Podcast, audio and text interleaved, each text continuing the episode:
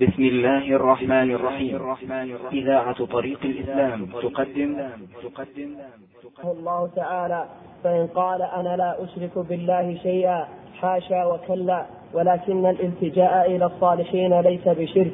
فقل له إذا كنت تقر أن فقل له إذا كنت تقر أن الله حرم الشرك أعظم من تحريم الزنا وتقر أن الله لا يغفره. فما هذا الأمر الذي حرمه الله؟ وذكر أنه لا يغفره فإنه لا يدري. فقل له كيف تبرئ نفسك من الشرك؟ وأنت لا تعرفه.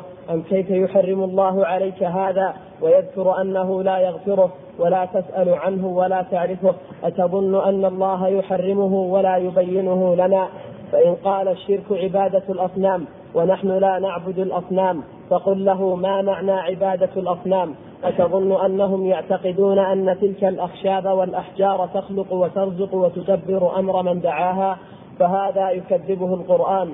كما في قوله تعالى قل من يرزقكم من السماء والأرض وإن قال هو من قصد خشبة أو حجرا أو بنية على قبر أو, أو بنية على قبر أو غيره يدعون ذلك ويذبحون له ويقولون إنه يقربنا إلى الله زلفى ويدفع الله عن ويدفع الله عنا ببركته أو يعطينا ببركته. فقل صدق.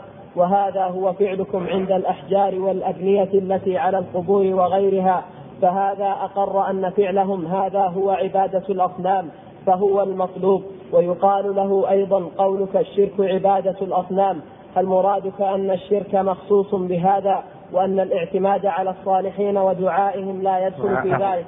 ودعاءهم لا يدخل في ذلك. فهذا يرد ما ذكره الله في كتابه. من كفر من تعلق على الملائكة. هذا يرده. فهذا يرده ما ذكره الله في كتابه من كفر ما من تعلق على الملائكة أو عيسى أو الصالحين. فلا بد أن يقر لك أن من أشرك في عبادة الله أحدا من الصالحين. فهذا هو الشرك المذكور في القرآن وهذا هو المطلوب. وسر المسألة أنه إذا قال أنا لا أشرك بالله فقل له وما الشرك بالله فسره لي. فإن قال هو عبادة الأصنام فقل وما معنى عبادة الأصنام فسرها لي. فإن قال أنا لا أعبد إلا الله وحده فقل ما معنى عبادة الله وحده فسرها لي. فإن فسرها بما بينه القرآن فهو المطلوب وإن لم يعرفه فكيف يدعي شيئا وهو لا يعرفه؟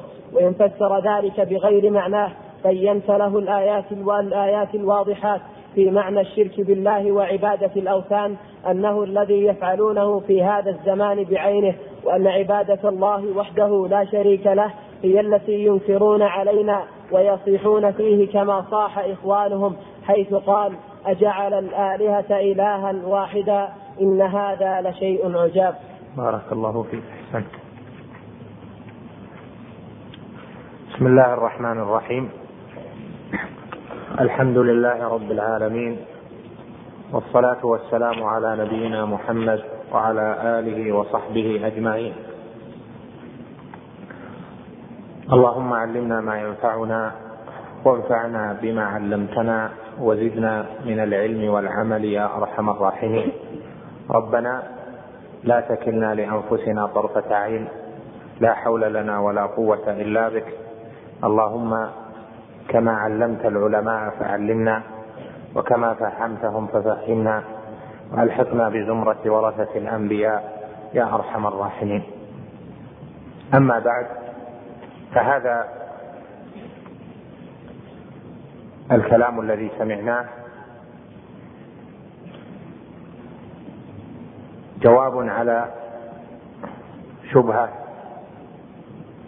أدلى بها طائفة أخرى. وهذه الشبه التي ذكرها الشيخ رحمه الله تجد فيها تكريرا وذلك لأنه أورد ما أورده الناس من الشبه على التوحيد. فقد يكون ما قاله فلان يدخل بعضه فيما قاله الآخر. ولهذا ترى أن فيها نوع تكرير ونوع إعادة لأن الشبه متداخلة. وهذا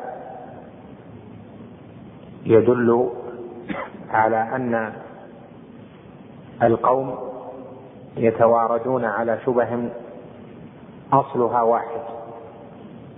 فإذا أحكم طالب العلم المقدمات التي ذكرناها في أول هذا الشرح وجواب الشبه الثلاث التي هي أكبر ما عندهم سهل عليه الجواب عن الشبه الأخرى مهما اختلفت وتلونت. وهذا الذي ذكر هنا جواب الشبهة التي يمكن أن تعنون بقولهم الالتجاء إلى الصالحين ليس بشرك. وأن الشرك مخصوص بعبادة الأصنام. وفي الحقيقة أن الذين عبدوا غير الله جل وعلا لا يعرفون معنى الشرك كجهلهم بعلوم الشريعة وبأصول الدين. فإنهم لا يعرفون معنى العبادة ولا يعلمون معنى الشرك ولا يعلمون معنى التوحيد.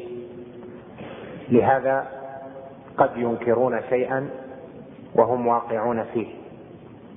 وقد ذكر الشوكاني رحمه الله في رسالته الدر النظير أن عباد القبور عندهم تغيير للأسماء فيسمونها بغير اسمها فيسمون الشرك توسلا ويسمون طلب الشفاعة من الأولياء توسلا ويسمون إنزال الحاجات بالأولياء والأنبياء التجاء إلى الصالحين لانهم عند الله جل وعلا لهم المقامات العالية وأشباه ذلك. قال الشوكاني وهذا لا يغير من الحقائق شيئا إذ العبرة في الحقائق لا بالأسماء العبرة بالمسميات لا بالأسماء. فلو سميت الخمر ماء هذه تتمة من عندي فلو سميت الخمر ماء فإنها خمر. ولو سمي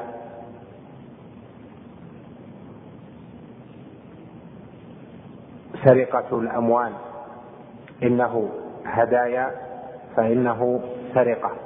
فالأسماء لا تغير في الأحكام الشرعية. إذ الأحكام مرتبطة بحقائق الأمور. فإذا وجدت حقيقه الأمر الذي حرمه الشرع أو أمر به الشرع فإنه هو المقصود بالتحريم وهو المقصود بالأمر وإن اختلفت الأسماء إذ لا عبرة باختلاف الأسماء. هنا تفريعا على ذلك قال الإمام رحمه الله تعالى ورفع درجته في الجنة فإن قال يعني المدلي بالشبهة أنا لا أشرك بالله شيئا حاشا وكلا. وهذا صنيع كل من يعبد غير الله يعبد الأولياء والأنبياء ويتقرب إليهم أو يتقرب إلى المشاهد أو إلى الجن أو إلى ما شابه ذلك من أنواع المعبودات من دون الله. كلهم يقولون نحن لا نشرك إذ لا أحد يقر على نفسه بالشرك والكفر. قال فإن قال يعني بعدما ذكرنا من مسألة الشفاعة أو من أدلى بهذه الشبهة أنا لا أشرك بالله شيئا. حاشا وكلا. يعني أنا لست من المشركين وعندي إباء أن أكون من أهل الشرك أو أن أفعل الشرك فحاشا وكلا أن أشرك بالله شيئا. لما قال لأن الالتجاء إلى الصالحين ليس بشرك. فإذا رجع أمر هذه الطائفة إلى أنهم يتبرؤون من شيء يفعلونه. وإذا كان هذا المتبرأ منه من أصول الدين من التوحيد فإن فعله يدل على أنهم لم يعلموا معنى الشرك ومعنى التوحيد. فلا بد لهم إذن من إقامة الحجة لأنه ينفي عن نفسه أن يكون من المشركين ويكره الشرك ويكره الكفر لكنه واقع فيه. فلا بد من البيان له والتعليم وإقامة الحجة عليه في أن ما يفعله داخل فيما نفاه عن نفسه. قال رحمه الله فقل له هذا ابتداء جواب الشبهة إذا كنت تقر أن الله حرم الشرك أعظم من الزنا وتقر أن الله لا يغفره إلى آخر الكلام. هذه هذا الجواب للشبهة مبني على مراتب الأولى هذه المرتبة التي سمعت وهي أن يطلب منه تفسير الشرك. ما هو هذا الشرك؟ الذي لا يغفره الله وأنت تنفيه عن نفسك. هات معنى الشرك. المرتبة الثانية أن يفسر الشرك بعبادة الأصنام. فيسأل ما معنى عبادة الأصنام.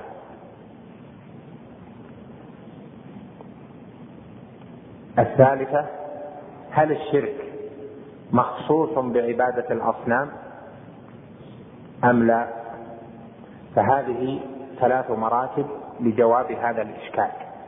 فمن قال إن التوسل بالصالحين ليس بشرك يعني التوسل الشركي الذي يفعله عباد القبور والخرافيون ويعدونه توسلا وهو دعاء خير الله جل وعلا وطلب الشفاعة من الأموات هذا مبني على هذه الثلاث مراتب فناتيها واحدة واحدة. فالأولى قال الشيخ رحمه الله إذا كنت تقر أن الله حرم الشرك أعظم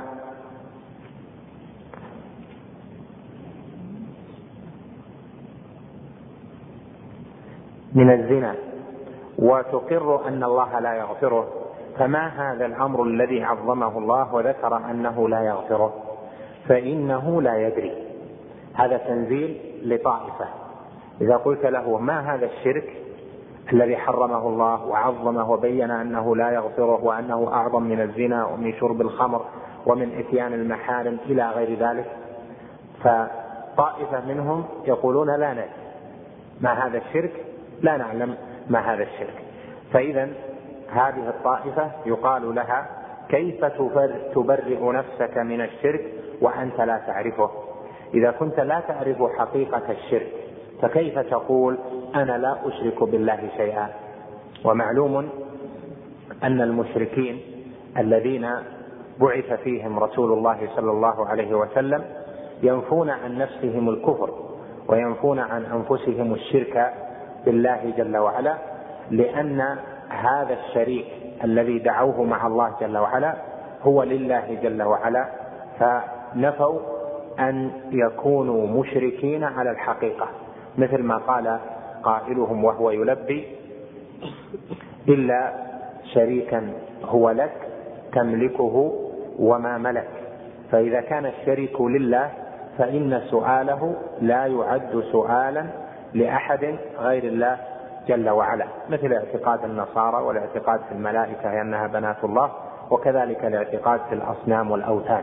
فهم اذا لا أحد يقر على نفسه بأنه مشرك مطلقا إذ يلزم من ذلك أن الشرك المطلق يعني أنه يقر بأن ثمة مصرف للأمور غير الرب جل وعلا. والمشركون مقرون بأن المصرف للأمور هو الله جل وعلا وحده. إذ يلزم لازما عقليا واضحا وأيضا شرعيا أن من اعتقد بأن مع الله إله آخر يلزمه أن يعتقد أنه رب وأنه يعطي ويمنع وأنه هو الذي يسخر الأمر يدبر الأمر وهو الذي يسخر السحاب وينزل المطر. ولهذا تجد أن في القرآن كثيرا ما يحتج على المشركين بتوحيد الربوبية على توحيد الإلهية. فهم خروجا من هذا الإلزام قالوا إن هذه الآلهة لله جل وعلا فهو يملكها وهي تحت تصرفه وهم ينقلون ما يحتاجه خلقه إلى الله جل وعلا مثل ما فعل غلاة المتصوفة حيث قالوا إن العالم له أقطاب أربعة فوض الله إليهم رفع حاجات أهل الأرض فالقطب الفلاني في مصر والقطب الثاني في الهند والقطب الثالث في الشمال والقطب الرابع في الجنوب يعني أن هؤلاء فوض الله إليهم أمر رفع الحاجات.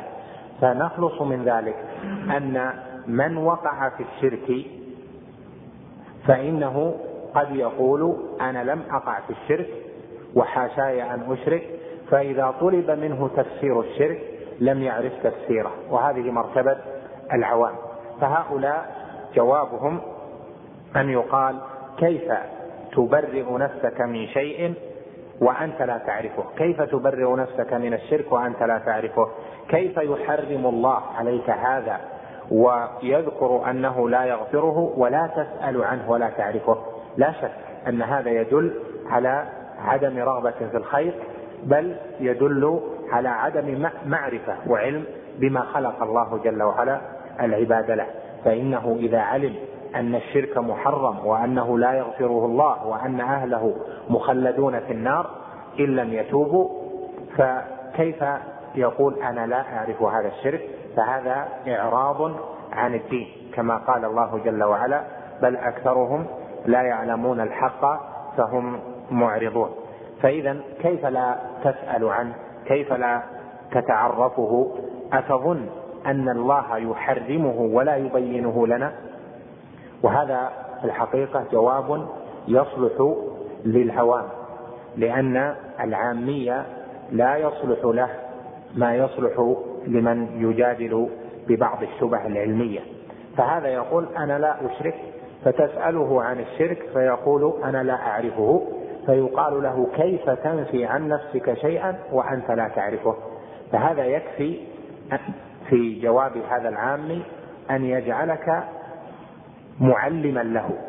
وكما ذكرنا لك في السابق إذا استطعت في مجادلة عوام المشركين في أن تجعلهم في مرتبة أدنى منك فتكون معلما بحسن عبارة في أن تجره إلى أن يعترف على نفسه بالجهل ثم تنتقل من مناظر إلى معلم فهذا من أعظم الوسائل للإقناع ولإحداث الخير وإقامة الحجة وبيان المحجة.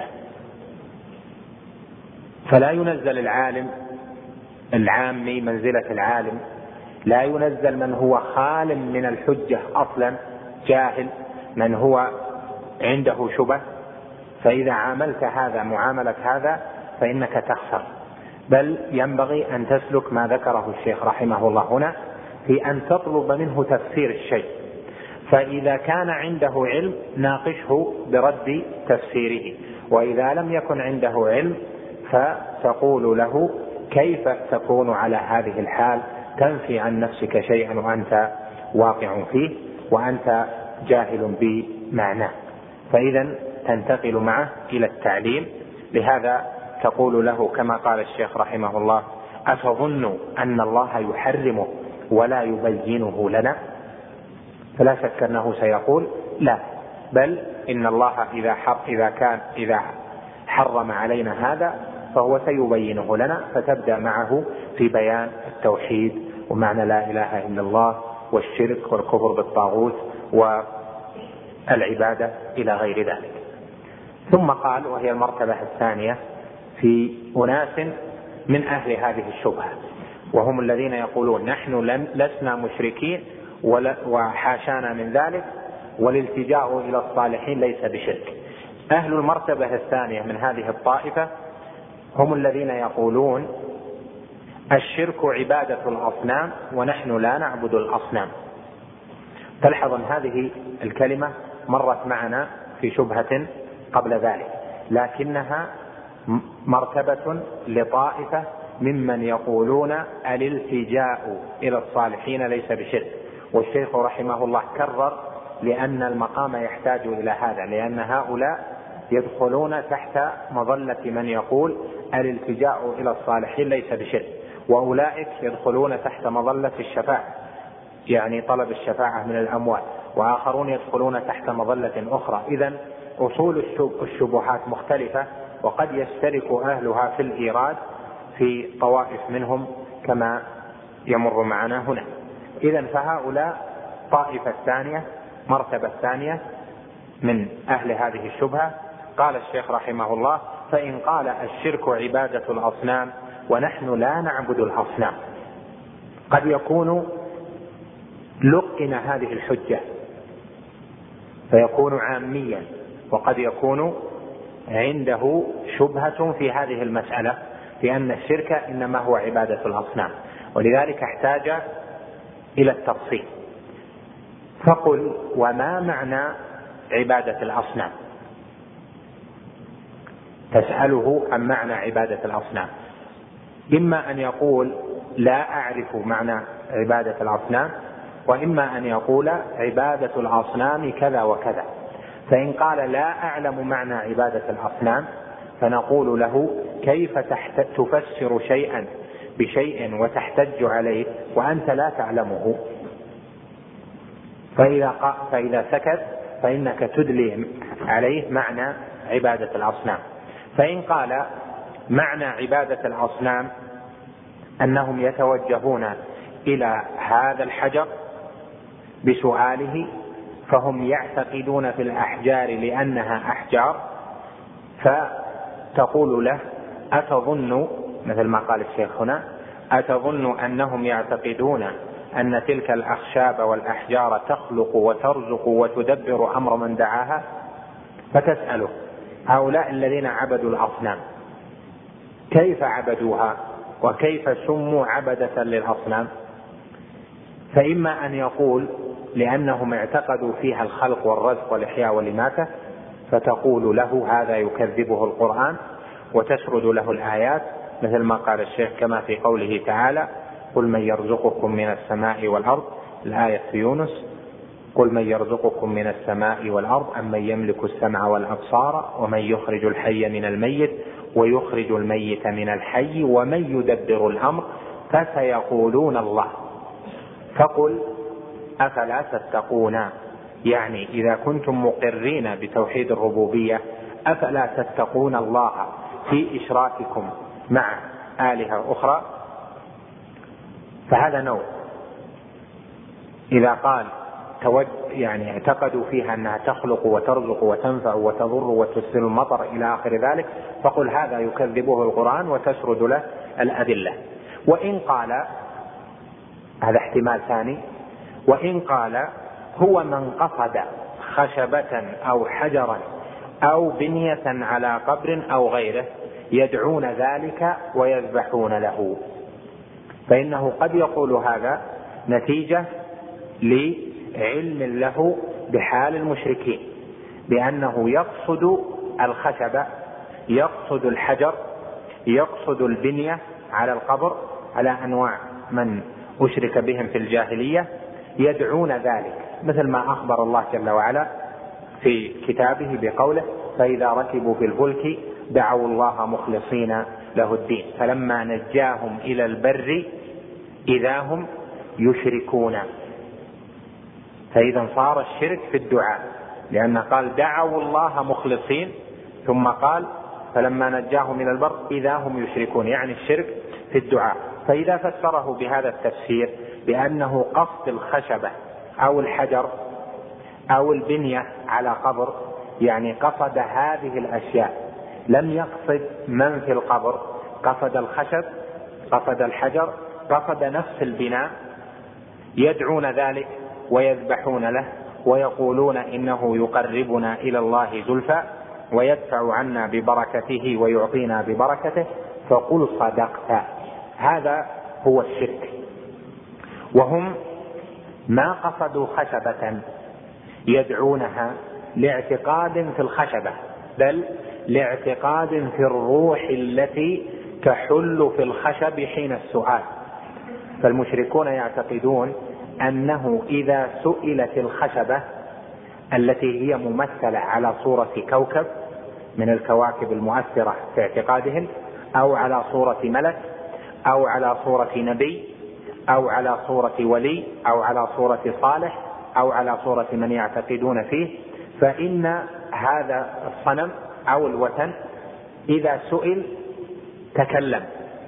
وهذا الكلام منه إنما هو من شيطان فهم يعتقدون أنهم إذا خاطبوه ودعوه فإن روحانية هذه هذا الكوكب تتكلم أو روحانية الملك تتكلم أو روحانية الولي والنبي تتكلم. حتى ربما إنه ينطق الجن على لسان الميت وهم يعرفون أن هذا هو كلام. فيقول سمعنا من القبر كذا وكذا وكذا بصوت الولي فلان الذي نعرفه ويكونون قد صدقوا فيما سمعوا بأنهم سمعوا صوت الولي نفسه ولكنهم لم يسمعوا الولي نفسه وإنما سمعوا صوته الذي قلده الشيطان والجن. ومعلوم أن شياطين الجن عندها قدرة على التشكل في الصور. وعندها قدرة على التشكل تشكل في الأصوات وعندها قدرة أيضا على أن تري الأشياء على غير حقيقتها. وهذا مما أقدرهم الله جل وعلا عليه ليحصل الابتلاء وتحصل الفتنة. فإبليس, علي فإبليس عليه لعنة الله حصل منه ما حصل من التشكل في صورة رجل وصورة شيخ النجدي عند المشركين. إلى آخره وفي يوم بدر كذلك والجن يتشكلون. ربما أتاك جني في صورة آدم وأنت لا تعلم. ربما تكلم من تكلم بصوت وهو شيطان. فإذا ما يذكرونه من أنهم حين يسألون الأخشاب أو الأحجار أو الغرف التي على القبور أو المشاهد أو يأتون إلى القبر. وأن هناك من تكلم وقال سألبي حاجتكم أو أمرهم بأشياء فهم صادقون لكن هذا من الجن ودخولهم في هذا الأمر إنما هو من جراء الشرك بالله جل وعلا. كما قال سبحانه في آخر سورة سبع بل كانوا يعبدون الجن أكثرهم بهم مؤمنون. يعني في الحقيقة مع أنهم إنما دعوا الملائكة. ويوم يحشرهم جميعا ثم يقول للملائكة أهؤلاء إياكم كانوا يعبدون؟ لأنهم كانوا يطلبون من الملائكة. فقالت الملائكة سبحانك أنت ولينا من دونهم بل كانوا يعبدون الجن. يعني في الحقيقة أنهم كانوا يعبدون الجن لأن الذي تكلم وخاطبهم الجني وهم تقربوا لمن خاطبهم وهو الجني. ففي الحقيقة العبادة توجهت للجن لا إلى الملائكة كما قال جل وعلا بل كانوا يعبدون الجن أكثرهم بهم مؤمنون. وكما قال سبحانه في سورة الأنعام وجعلوا لله شركاء الجن وخلقهم وخرقوا له بنين وبنات بغير علم. جعلوا له شركاء الجن فالجن اتخذت شركاء. وإن لم يعتقدوا ذلك هم أنهم عبدوا الصنم يعني عبدوا الجن لكن في الحقيقة هم عبدوا ذلك واتخذوهم شركاء. اذا فتقول له صدقت في أنهم قصدوها يدعونها ويذبحون لها ويقولون إنها تقربنا إلى الله زلفى ويدفع عنا ببركتها ويعطينا الله ببركتها. مثل ما قال ما قال بعضهم لبعض الموحدين من نحو مئة أكثر من مئة سنة. قابل رجلا من المشركين فقال له الموحد كثير من أهل الطائف لا يعرفون الله إنما يعرفون قبر ابن عباس. فأجابه المشرك بقوله معرفة ابن عباس تكفيه معرفة ابن عباس تكفيه. لما؟ لهذا الأمر. لأنهم إذا توجهوا إلى ابن عباس فمعنى توجهوا إلى الله جل وعلا مثل ما قال هذا القائل. فقل له صدق. وهذا هو فعلكم عند الأحجار والبنايات التي على القبور وغيرها. إذا أتوا إلى البنايات التي على القبور أكثر القبور الآن التي بنيت عليها بنايات لا يوصل إلى القبر ولا يخلص إليه وإنما هم يدعون ويعتقدون ويتمسحون ويطلبون بركة هذه البنية. وفي قلبهم من في هذا القبر؟ وقد لا يكون في القبر أحد. قد لا يكون في القبر أحد أصلا أو يكون فيه مشرك أو يكون فيه حيوان. ونحو ذلك. يكون قد دفن في هذا واعتقد فيه. فإذا الذي فعله هؤلاء الأولون عند الأصنام والأوثان والخشب والحجر والبنى التي على القبور هو الذي فعله أهل هذه الأزمان عند البنايات التي على القبور. فقل له صدق. وهذا هو فعلكم عند الأحجار والبنايات التي على القبور.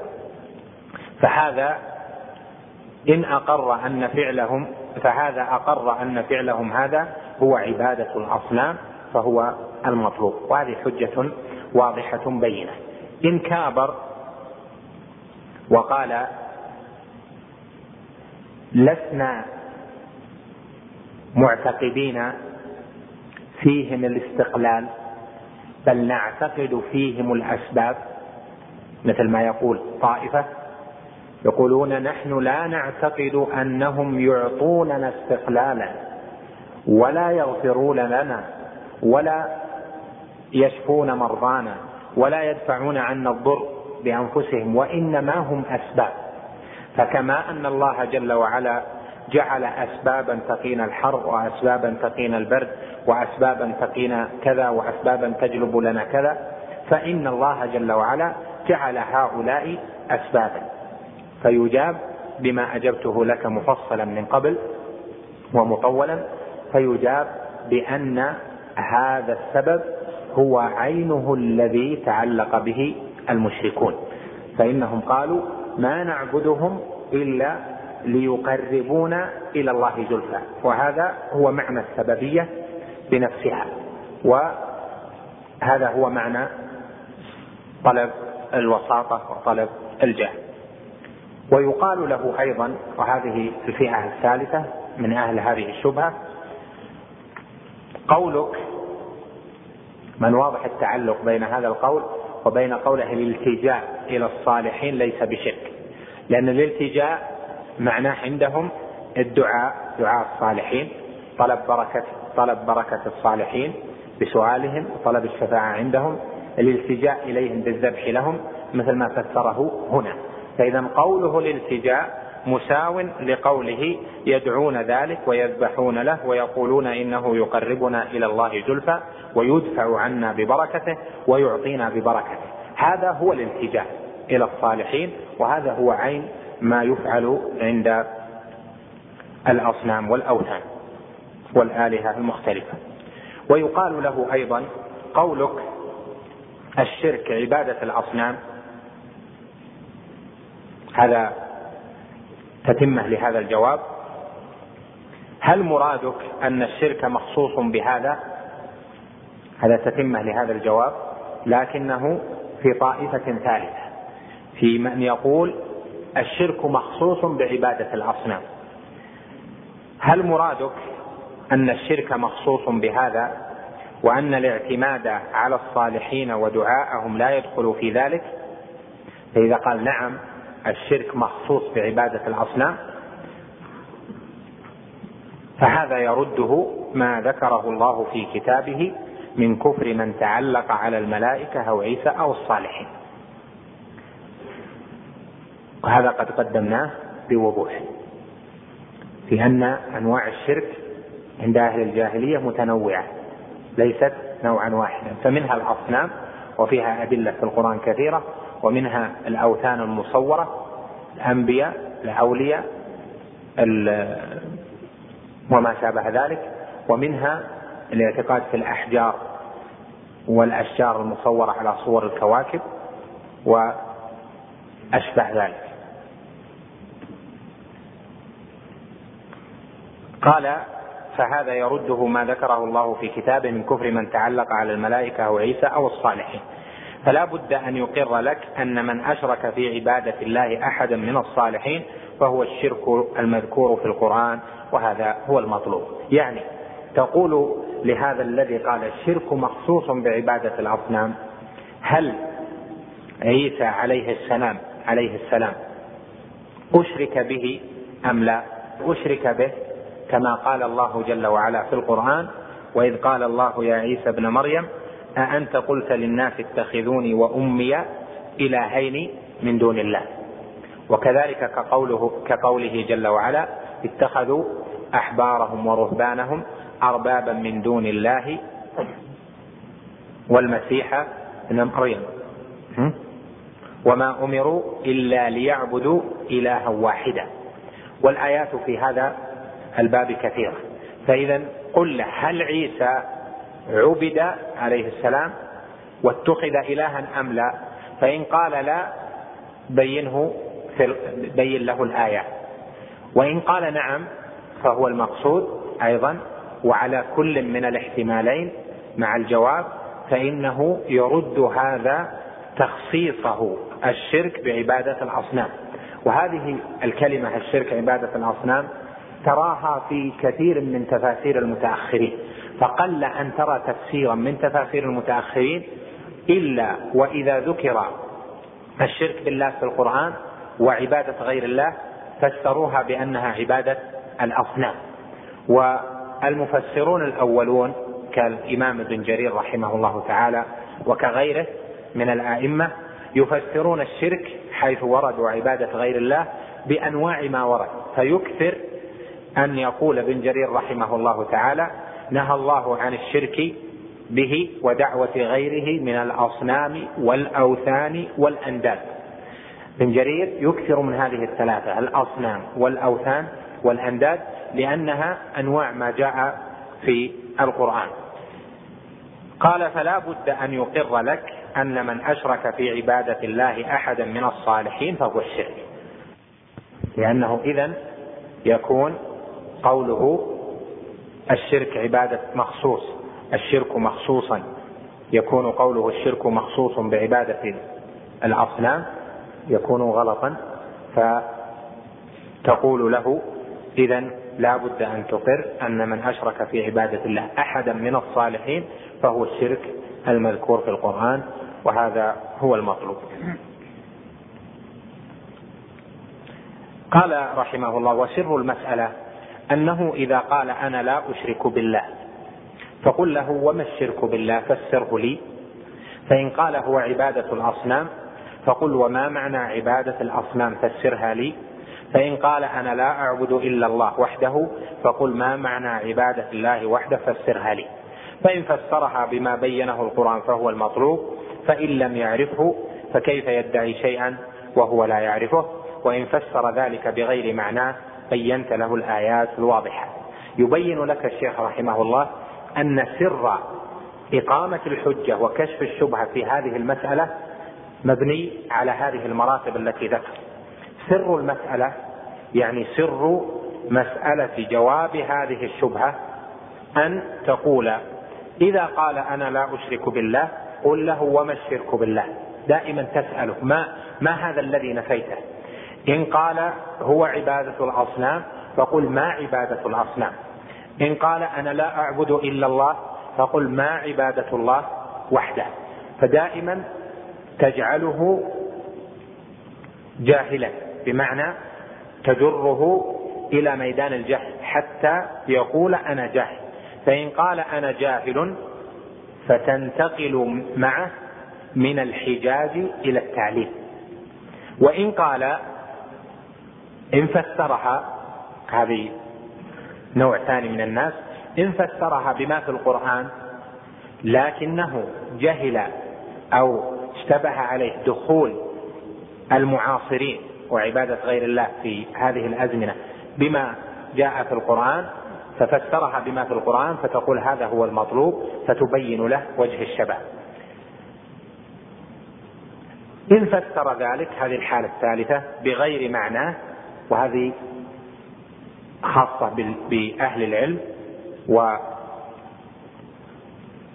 يدلون الشبه من المنتسبين إلى العلم وعلمهم غير نافع. إن فسر ذلك بغير معناه بينت له الآيات الواضحات في معنى الشرك بالله. إن قال فسر الشرك بغير معناه الصحيح تذكر له الآيات الواضحة في معنى الشرك وأن الشرك يكون بأنواع كما جاء في القرآن وكما بينه الشيخ رحمه الله في كتاب التوحيد.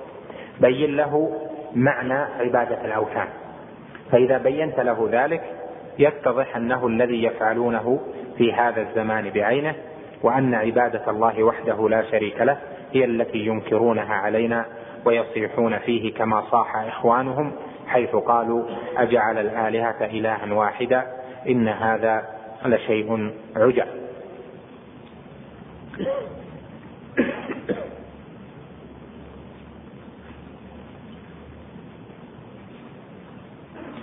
قال رحمه الله بعد ذلك فإن قال هذا دخول في شبهة جديدة.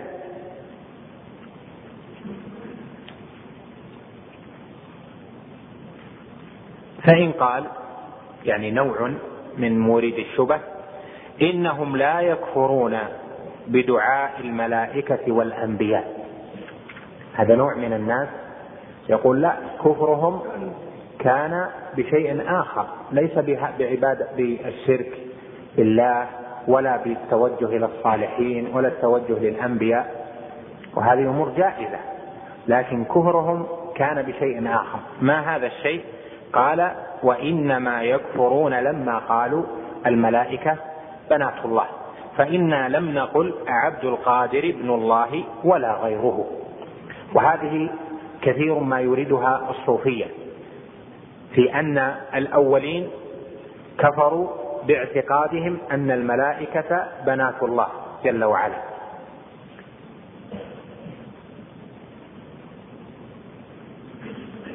وهذا الاعتقاد مبين في القرآن في سور كثيرة كسورة النحل وسورة الصافات وسورة الزخرف وغير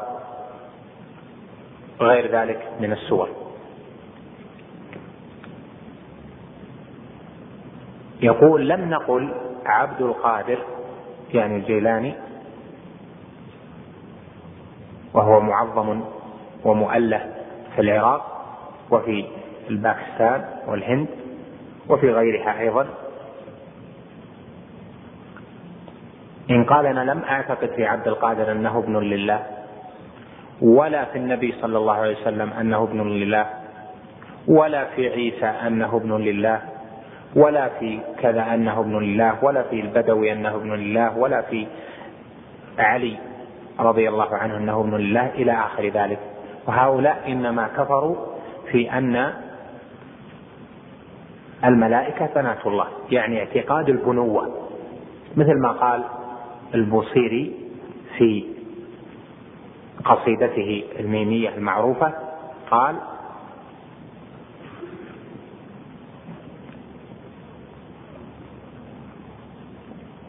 دع ما ادعته النصارى في نبيهم واحكم بما شئت فيه واحتكم أو كما قال. وقال أيضا لو ناسبت قدره لو ناسبت قدره يعني النبي صلى الله عليه وسلم لو ناسبت قدره آياته عظما أحيا اسمه حين يدعى دارس الرمم. فيقول قل ما شئت في النبي صلى الله عليه وسلم من وصفه بما شئت إلا في شيء واحد وهو أن لا تقول كما قالت النصارى في عيسى إنه ابن لله جل وعلا. ويفهمون هذا على الحديث الذي رواه البخاري وغيره في قوله عليه الصلاة والسلام لا تطروني كما أطرت النصارى ابن مريم وإنما أنا عبد فقولوا عبد الله ورسوله. قالوا فمعنى الحديث أنه لا تبلغوا بي مبلغ النصارى في قولهم إن عيسى ابن الله وما هو غير ذلك فجائز لكم هكذا يفهمونه وهذه حجة طائفة كثيرة من غلاة الصوفية وأصحاب الطرق. في قولهم إن المحرم والشرك هو ادعاء البنوة. أما غير ذلك فليس من الشرك بالله كما قال دع ما ادعته النصارى في نبيهم واحكم بما شئت في مدحا فيه واحتكم أو كما قال. قال فالجواب هذا جواب هذه الشبهة.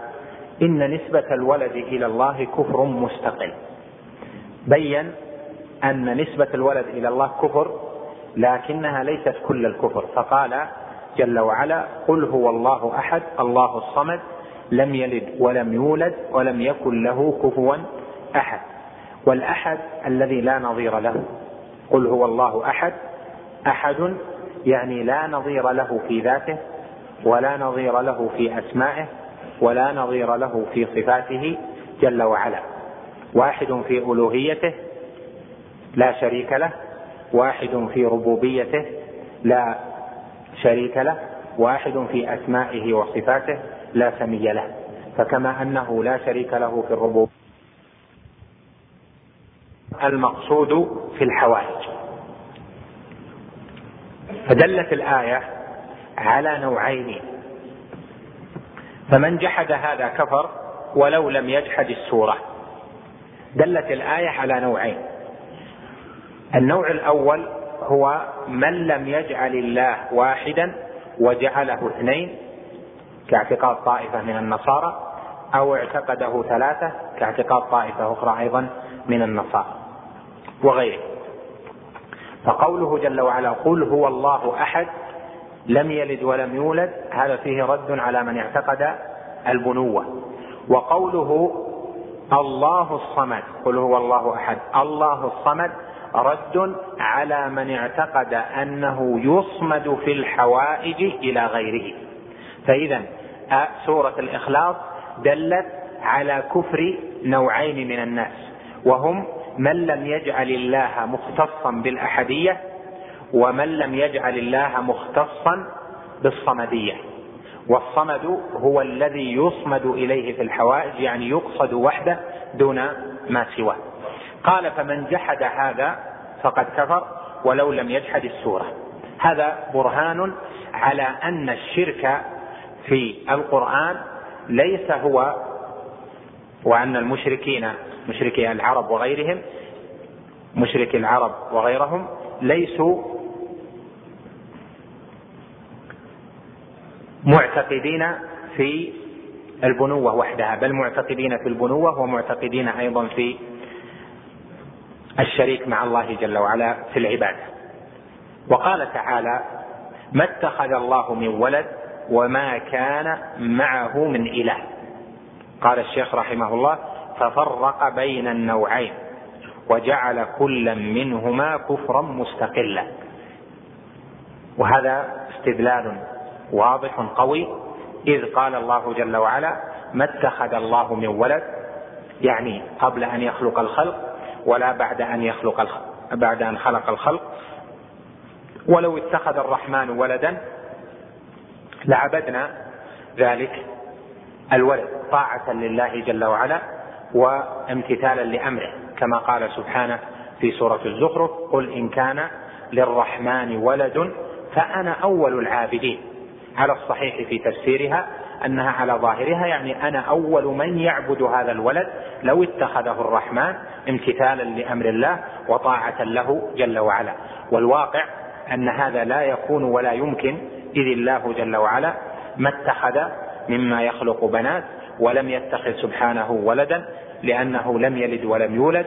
ولو أراد الله أن يتخذ ولدا لاصطفى مما يخلق ما يشاء. لتنزه لتنزهه سبحانه وتعالى عن الولادة بدءا وأصلا وفرعا. فإذا قوله ما اتخذ الله من ولد هذا نفي للولادة ولاتخاذ الولد. قال وما كان معه من إله وهذا نفي لنوع آخر. وكما هو مقرر في العربية والأصول أن واو العطف هذه تفيد التغاير. تغاير الذات وتغاير الصفات. فتغاير الذات كما تقول دخل محمد وخالد. فذات محمد غير ذات خالد.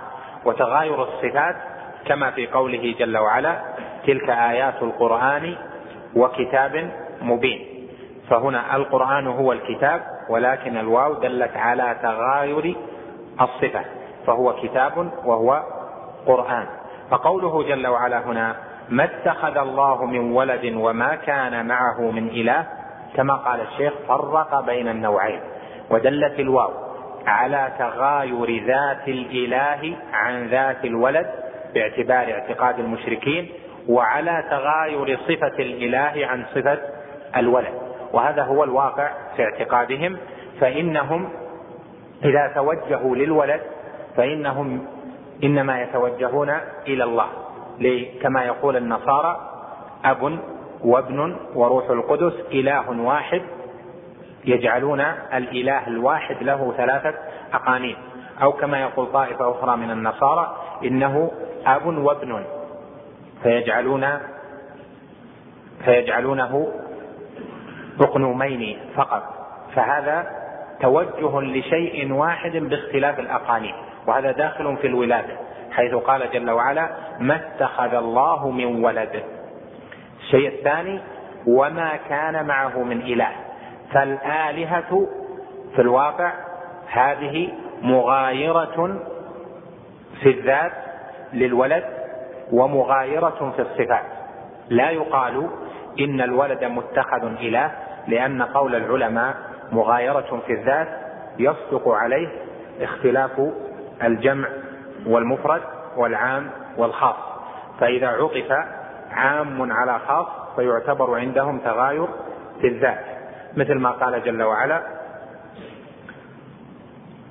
من كان عدوا لله وملائكته ورسله وجبريل وجبريل وميكال ليش تقول لا. من كان عدوا لله وملائكته ورسله وجبريل وميكال فإن الله عدو للكافرين. فعطف جبريل وميكال على الملائكة وهذا تغاير في الذات. واضح؟ تغاير في الذوات لأن الثاني بعض الأول. فالعام إذا جاء بعده خاص يعتبر تغاير في الذوات. إلا الذين آمنوا وعملوا الصالحات. هذا تغاير في إيش؟ في الصفات. لأن أشوف كثير منكم وأنا أتكلم يفكر كأنه يعني ما, ما فهم هذا. المقصود أن استدلال الشيخ في محله بل حجة واضحة حيث قال ففرق بين النوعين وجعل كلا منهما كفرا مستقلا. وقال تعالى وجعلوا لله شركاء الجن وخلقهم.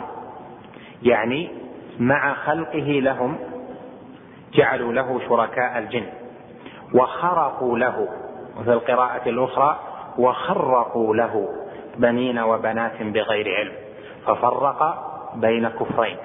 فجعل الشرك بالجن هذا نوع وجعل خرق البنين والبنات له سبحانه نوع آخر. قال ففرق بين كفرين والدليل على هذا أيضا أن الذين كفروا بدعاء الله إلى آخره. المقصود من هذه الأدلة أن قول القائل ما كفر ما كفرت العرب ولا النصارى ولا اليهود إلى آخره إلا باعتقاد البنوة في فهذه هذا الكلام باطل وهذه الشبهة مردودة على أصحابها بالأدلة التي ذكر وتوسع الشيخ رحمه الله فقال والدليل على هذا أيضا أن الذين كفروا بدعاء اللات مع كونه رجلا صالحا لم يجعلوه ابنا لله والذين كفروا بعبادة الجن لم يجعلوهم كذلك. وكذلك أيضا العلماء في جميع المذاهب الأربعة يذكرون في باب حكم المرتد أن المسلم إذا زعم أن لله ولدا فهو مرتد ويفرقون بين النوعين وهذا في غاية الوضوح. الأمة مجمعة والفقهاء والأئمة مجمعون على أن الردة ليست مخصوصة باعتقاد الولد لله جل وعلا. فدل هذا على بطلان هذه الشبهة وهذا إيراد أو استدلال واضح بين والحمد لله كما قال الشيخ في آخره وهذا في غاية الوضوح. نقف عند هذا ونسأل الله جل وعلا أن يوفقني وإياكم لما يحب ويرضى. وأكرر في أن الانتفاع بما نذكر يعظم عندما تعرف كتاب التوحيد وشرحه وخاصة ما ذكرناه من الأدلة وأوجه الاستدلال في شرح على كتاب التوحيد لأن فهم كشف الشبهات مبني على فهم كتاب التوحيد. لأنك إذا قلت إيراد ما معنى العبادة؟ ما معنى عبادة الأصنام الشفاعة. كل هذه تفصيلها هناك وليس تفصيلها في هذا الكتاب.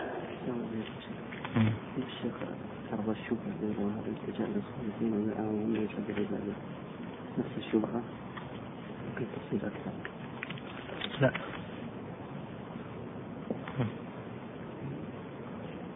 أنا قلت لك هذا على اعتبار الأصناف هذا مختلف.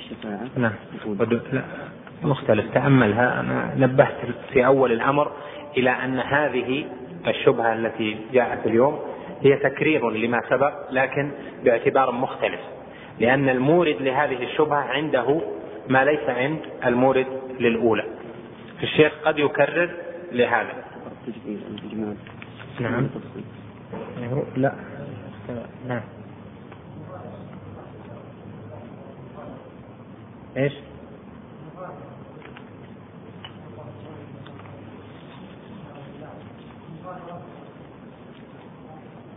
إيه هذا اللي خلاني اللي خلاني يعني استطرد بعض الشيء. يعني لما قلت المغايرة بين الذات والصفات أشوف كثير من الإخوة حلقت عيونهم في السماء. ما أدري وش المغايرة الواو تقتضي في اللغة الجمع مطلق الجمع والمغايرة. وإذا قلنا مطلق الجمع فالمراد بلا ترتيب. بلا ترتيب في الزمان ولا في المكان ولا في الفضل. وتفيد أيضا المغايرة. والمغايرة تعني أن ما بعد الواو غير ما قبل الواو. وقد يكون ما بعد الواو يعني المعطوف والمعطوف عليه ما قبل الواو قد يكون هذا وهذا من الذوات. فاذا الثاني غير الأول. مثل ما مثلت لكم دخل محمد وخالد. من كان عدوا لله وملائكته ورسله. كل شيء مختلف عن الثاني. هذا تغاير في الذوات. واضح؟ الثاني التغاير في الصفات. ذكرت لك أن التغاير في الذوات لا يسقط بأن يكون الأول بعض الثاني. ولا أن يكون الثاني بعض الأول. يعني إذا جاء عام بعد خاص معطوف بالواو فيصدق عليه أنه تغاير ذوات لأن الذات الثانية أعظم وأكثر من الذات الأولى في عطف العام على الخاص أو الأولى أكثر ذواتا من الثانية. فإذا تغاير في الذوات يعني هذا ليس هو هذا من جهة الذات. والثاني تغاير في الصفات. والتغاير في الصفات يكون في المعاني. في المعاني. مثل ما ذكرت لكم إلا الذين آمنوا وعملوا الصالحات.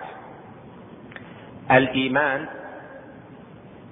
والعمل الصالح ليس ذاتا وإنما هو معنى. أليس كذلك؟ الإيمان هل هو ذات ترى؟ العمل الصالح ذات ترى؟ ليس عينا ولا ذاتا وإنما هو معنى. فاذا عطف العطف بالواو بين المعاني يدل على تغاير الصفات. فتكون يكون الأول غير الثاني من جهة الصفة. ولهذا نقول إنه إذا قيل إلا الذين آمنوا وعملوا الصالحات على تعريف أهل السنة للإيمان ودخول العمل في مسماه هذا يفهم من وجهين. الأول أن العمل خاص بعد عام فالإيمان عام والعمل خاص فحصل تغاير في الصفة من جهة الشمول. والثاني أن الإيمان إذا قرن به العمل الصالح فيعنى بالإيمان التصديق الجازم بالأشياء والعمل الصالح هو العمل. فهذا يغاير ذاك في الحيثية. والثاني اختيار شيخ الإسلام ابن تيمية. إلا الذين آمنوا وعملوا الصالحات إن الذين آمنوا وعملوا الصالحات سيجعل لهم الرحمن ودا. يعنى بالإيمان الأصل اللغوي ومعناه وهو أيضا الإيمان. بالله وملائكته وكتبه ورسله إلى آخره يعني ما هو قسيم للإسلام. الإسلام العمل الظاهر الإيمان الاعتقاد الباطن. وعملوا الصالحات تغاير في الصفة. إذ الأول يدل على العمل الباطن والثاني يدل على العمل الظاهر. مثل قوله جل وعلا تلك آيات الكتاب وقرآن مبين. بعض المعاصرين الجهلة قال هذا يدل على أن القرآن غير الكتاب لأن الواو تقتضي المغايرة في القرآن شيء والكتاب شيء والقرآن هو ما لا يقبل التغيير وأما الكتاب فيقبل التغيير في مؤلف ألفه باطل معروف. هذا ناتج من الجهل باللغة فقوله تلك آيات الكتاب وقرآن مبين تلك آيات القرآن وكتاب مبين في سورتين هذا يدل العطف بالواو على تغاير صفة الكتاب عن صفة القرآن لا على تغاير القرآن عن الكتاب. والصفة التي حصل بها التغاير أن القرآن فيه صفة القراءة والكتاب فيه صفة الكتابة. فإذا هذا دليل على أنه مكتوب وأنه سيقرأ حيث كان مكتوبا وهذا البحث يبحث في الأصول وأيضا في النحو وفي كتب حروف المعاني وبحث معروف ومهم لأن فهم الاستدلال مبني عليه.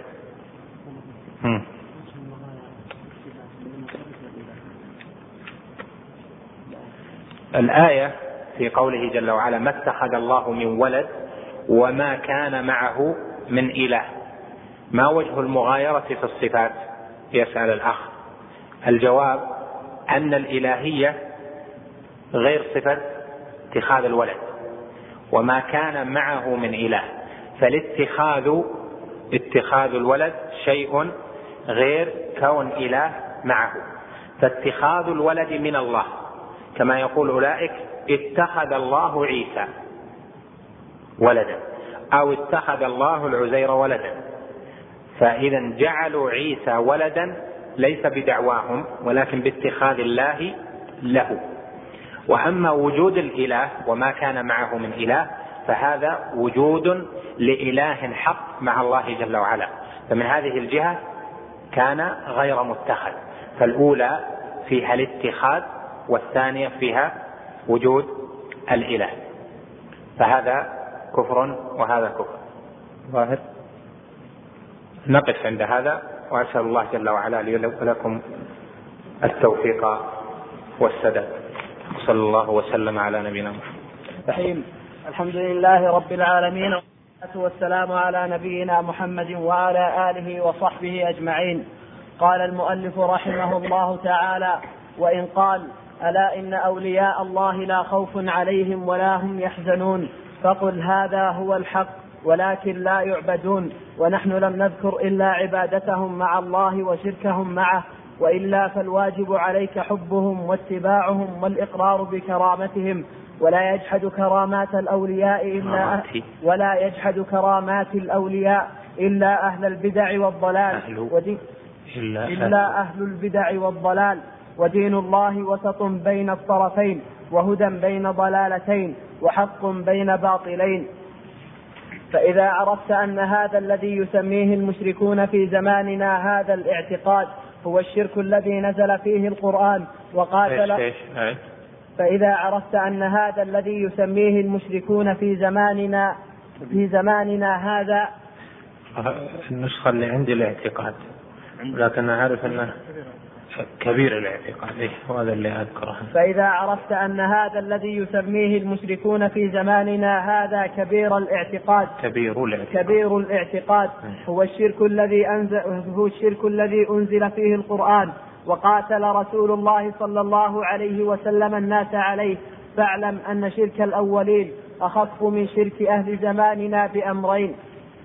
أحدهما أن الأولين لا يشركون ولا يدعون الملائكة والأولياء والأوثان مع الله إلا في الرخاء وأما في الشدة فيخلصون لله الدين كما قال تعالى وإذا مسكم الضر في البحر ضل من تدعون إلا إياه فلما نجاكم إلى البر أعرضتم وكان الإنسان كفورا وقوله قل أرأيتكم إن أتاكم عذاب الله أو أتتكم الساعة؟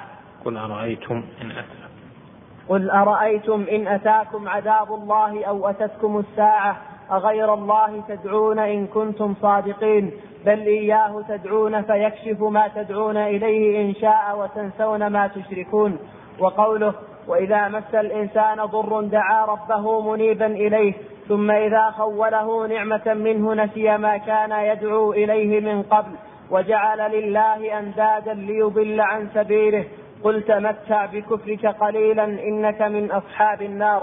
وقوله وإذا غشيهم موج كالظلل دعوا الله مخلصين له الدين. فمن فهم هذه المسألة التي وضحها الله في كتابه وهي أن المشركين الذين قاتلهم رسول الله صلى الله عليه وسلم يدعون الله ويدعون غيره في الرخاء وأما في الضر والشدة فلا يدعون إلا الله وحده لا شريك له وينسون ساداتهم. تبين له الفرق بين شرك أهل زماننا وشرك الأولين. ولكن أين من يفهم قلبه هذه المسألة فهما راسخا والله المستعان. بسم الله الرحمن الرحيم. الحمد لله رب العالمين.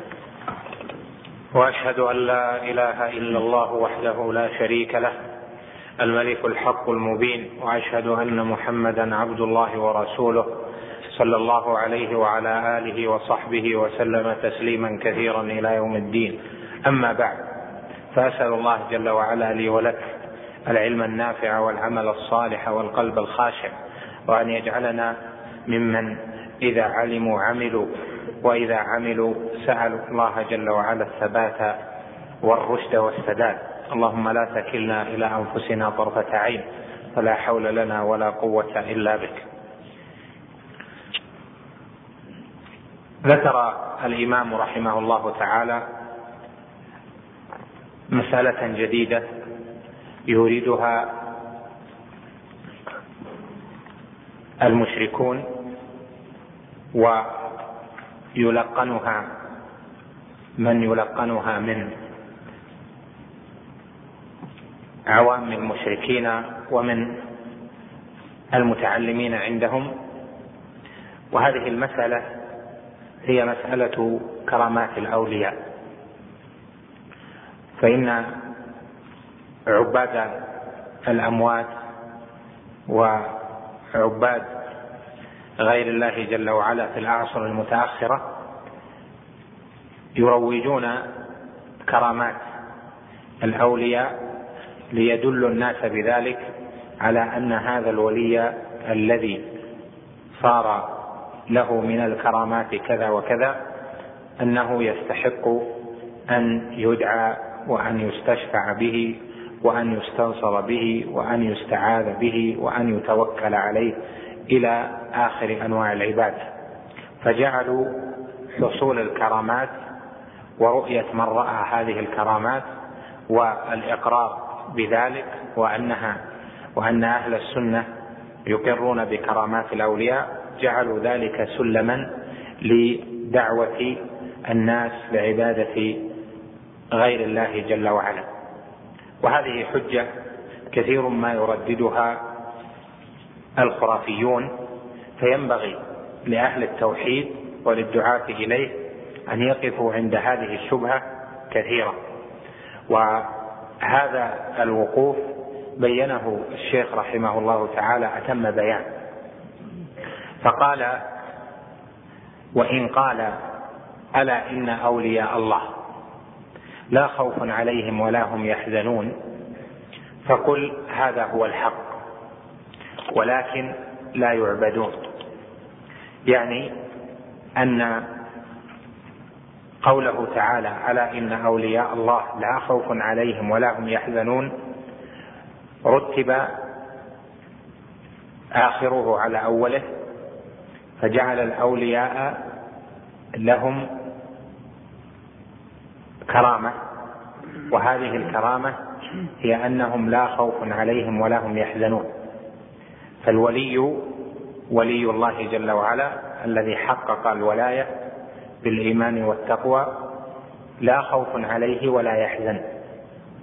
وهذا ظاهر الآية ودل ذلك على أن هؤلاء لهم منزلة خاصة عند أهل الإيمان بل عند الله جل وعلا.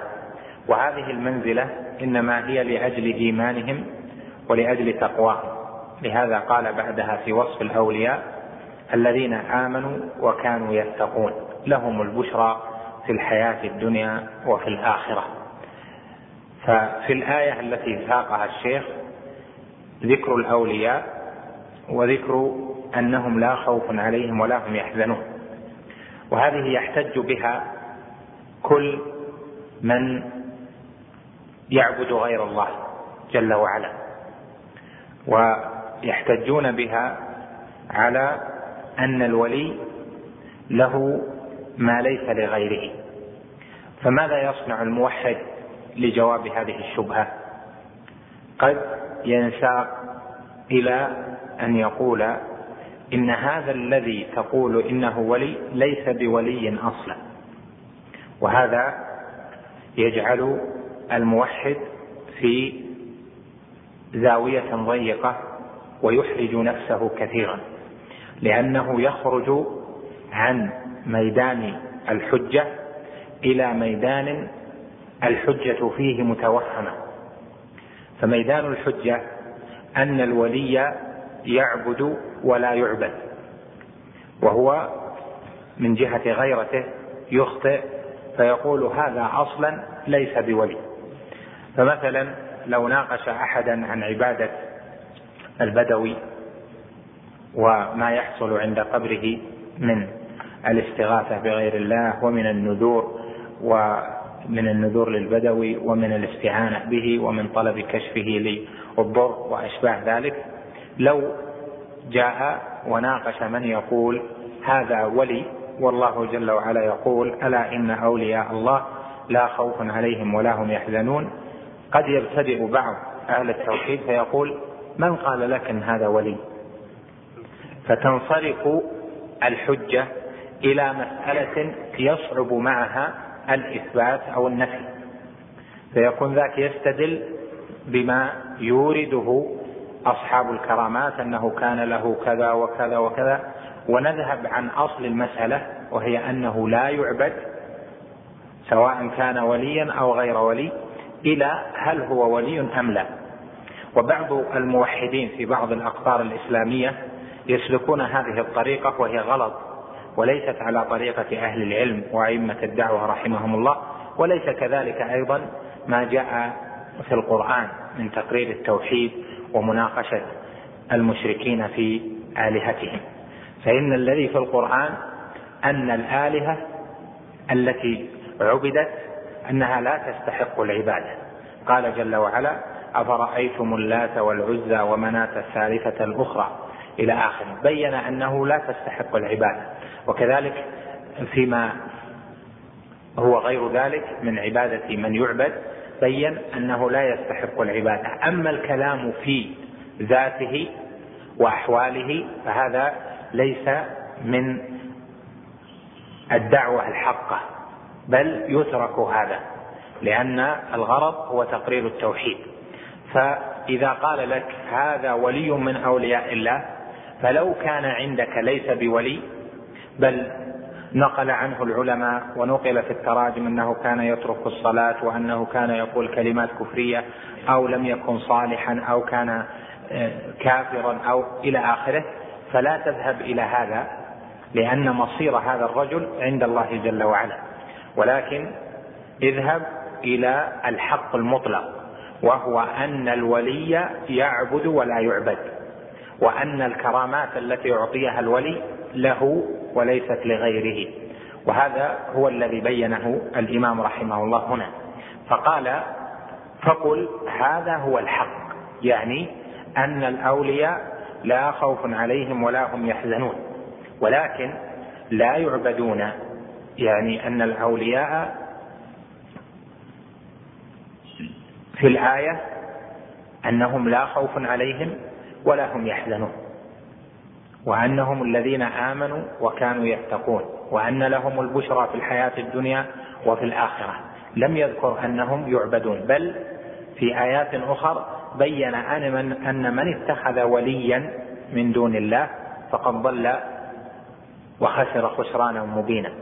كما قال جل وعلا قل أفاتخذتم من دونه أولياء لا يملكون لأنفسهم نفعا ضرا ولا نفعا وكقوله جل وعلا ومن يتخذ ومن يتخذ الشيطان وليا من دون الله فقد خسر خسرانا مبينا. يعني أن المرد ليس هو إلى كونه وليا أو غير ولي. المرد أن العبادة لله جل وعلا وحده. قال سبحانه قل أفاتخذتم من دونه أولياء؟ فهذه الآية قد تنفع أهل التوحيد في الاحتجاج على أهل الشرك في أن الله جل وعلا ذكر أن الأولياء لا يتخذون من دونه. قل أفاتخذتم من دونه أولياء. يعني فيكون من دونه يعني من دون من دونه في العبادة أولياء فجعلتم الأولياء معبودين. وهذا وإن كان ليس هو. من تفسيرها الصحيح ولكنها حجة في رد الاحتجاج بلفظ الأولياء على العبادة. وإلا فمن المعلوم أن قوله تعالى قل أفاتخذتم من دونه أولياء لا يقصد به فلان الولي وإنما يقصد به الولاية يعني النصرة والمودة وأشباه ذلك. لكن هذه هذه الآية وأشباهها في القرآن يحتج بها على إبطال التعلق بلفظ الأولياء. والشيخ رحمه الله هنا قال فقل هذا هو الحق ولكن لا يعبدون. يعني أن الآية دلت على أن هؤلاء الأولياء لهم الكرامة لهم البشرى في الحياة الدنيا وفي الآخرة ولكن ليست الآية أنهم يعبدون ولا أنهم يستغاث بهم ولا أنهم يدعون من دون الله جل وعلا.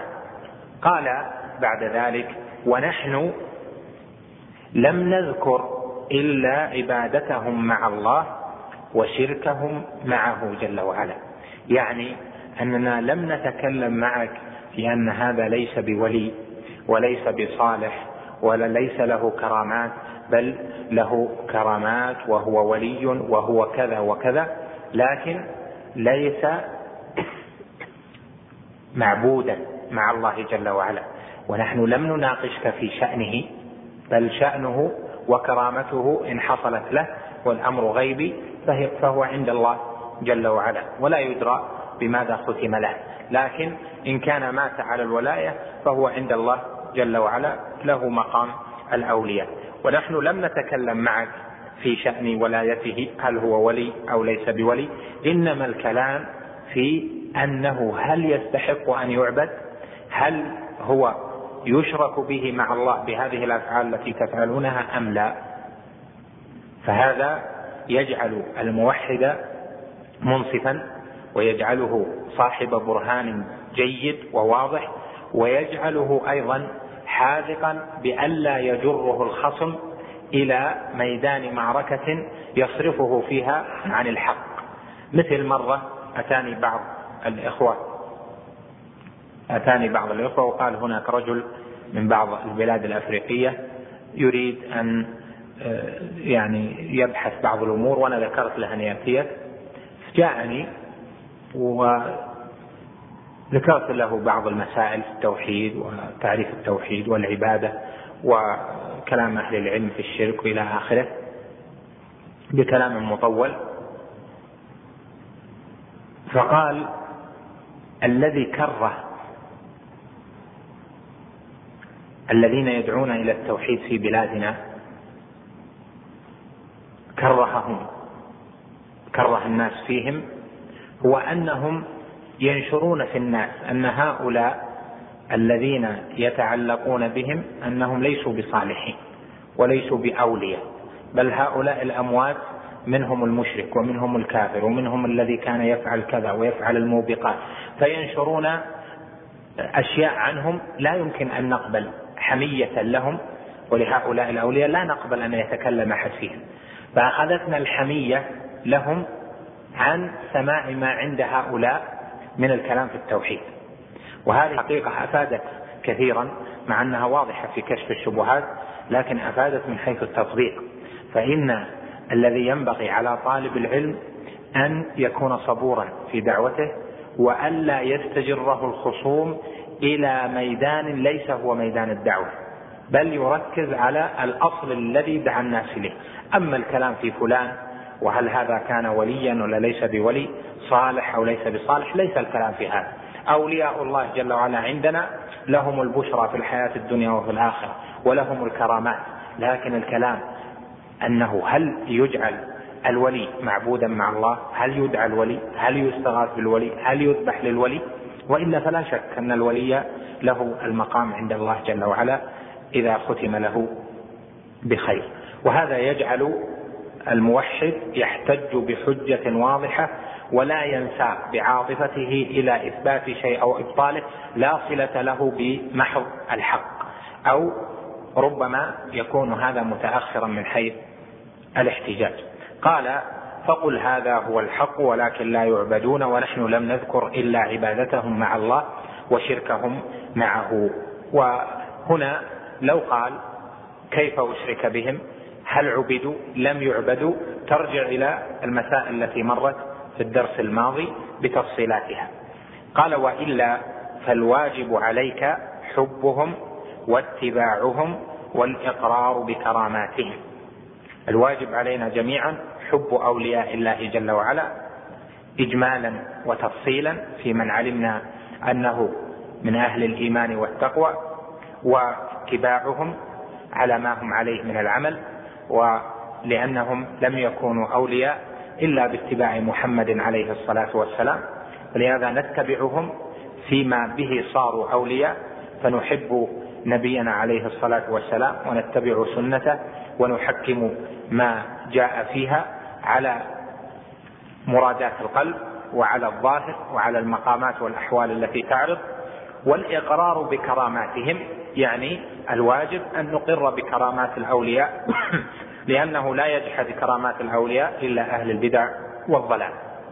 وذكرنا لك في الكلام على الواسطية معنى كرامات الأولياء ومن هو الولي وما شروط الولاية ومذهب أهل السنة في كرامات الأولياء والمذاهب في ذلك فيراجع في ذلك الموضع وقول الشيخ رحمه الله ولا يجحد كرامات الأولياء إلا أهل البدع والضلال يعني بهم الخوارج والمعتزلة فإنهم الذين ينكرون كرامات الأولياء كما سبق.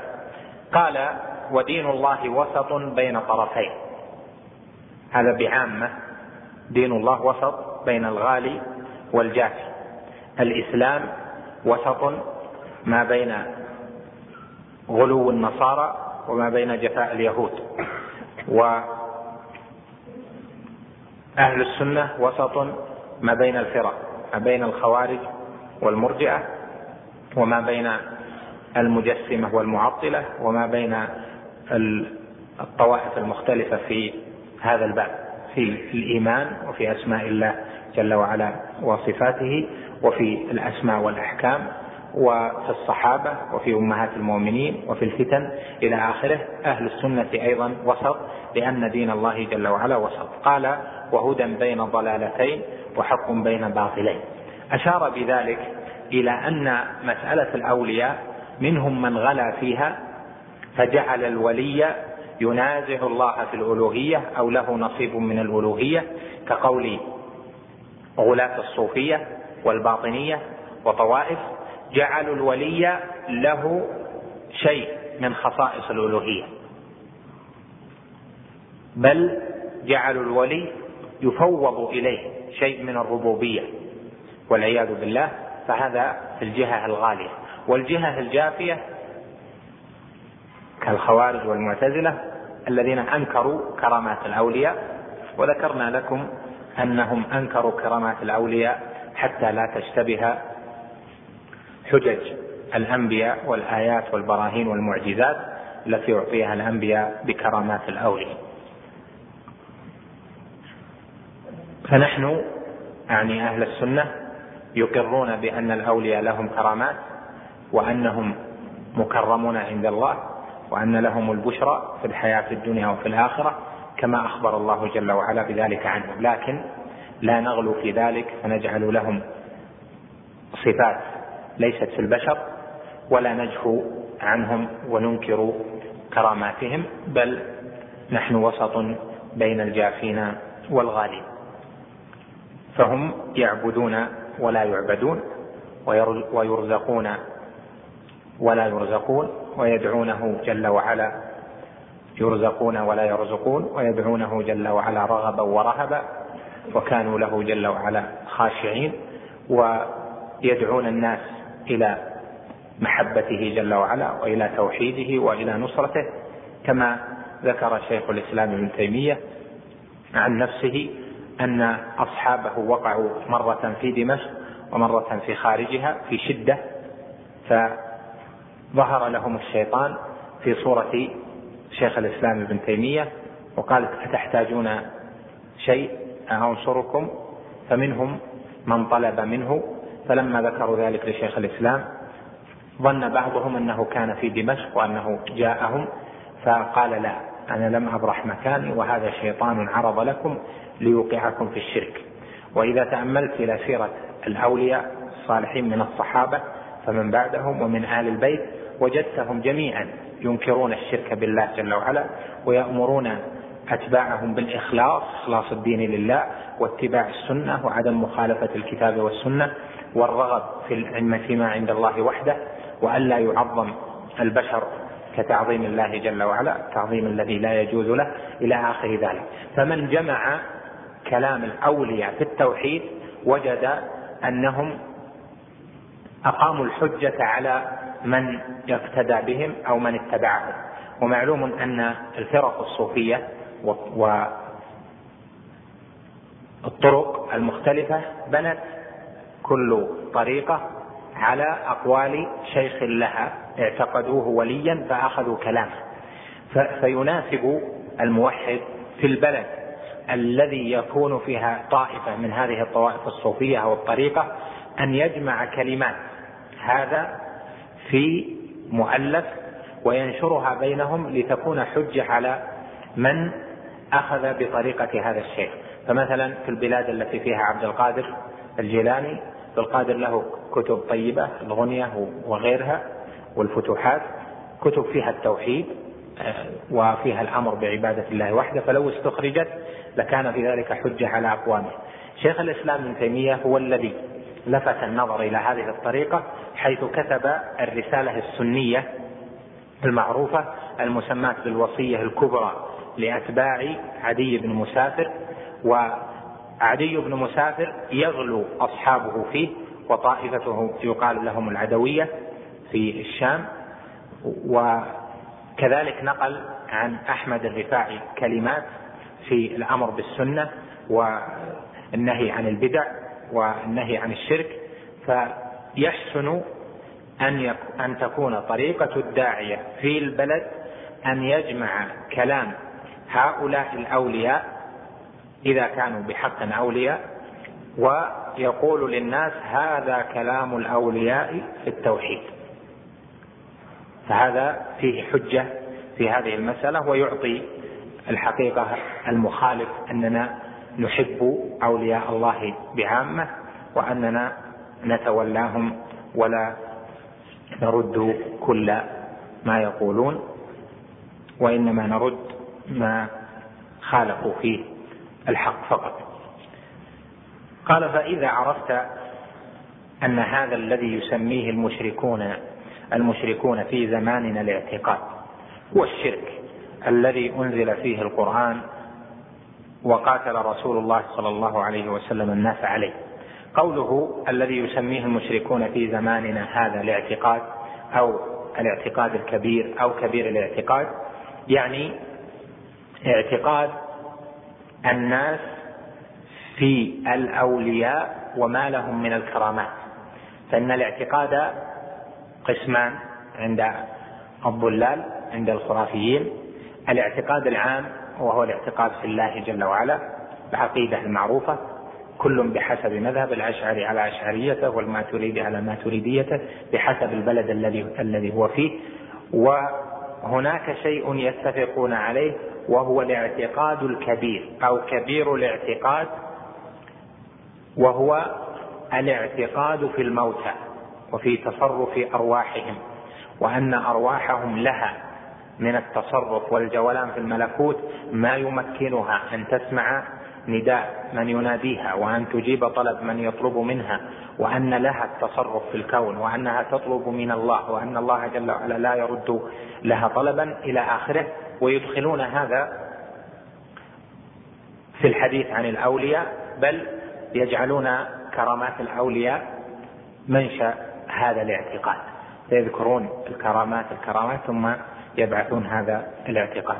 وكان هذا موجود في نجد وهناك كتب أو رسائل مؤلفة في هذا في ذلك الزمان قال فإذا عرفت أن هذا الذي يسميه المشركون في زماننا الاعتقاد أو كبير الاعتقاد هو الشرك الذي أنزل فيه القرآن وقاتل رسول الله صلى الله عليه وسلم الناس عليه فاعلم أن شرك الأولين أخف من شرك أهل زماننا بأمرين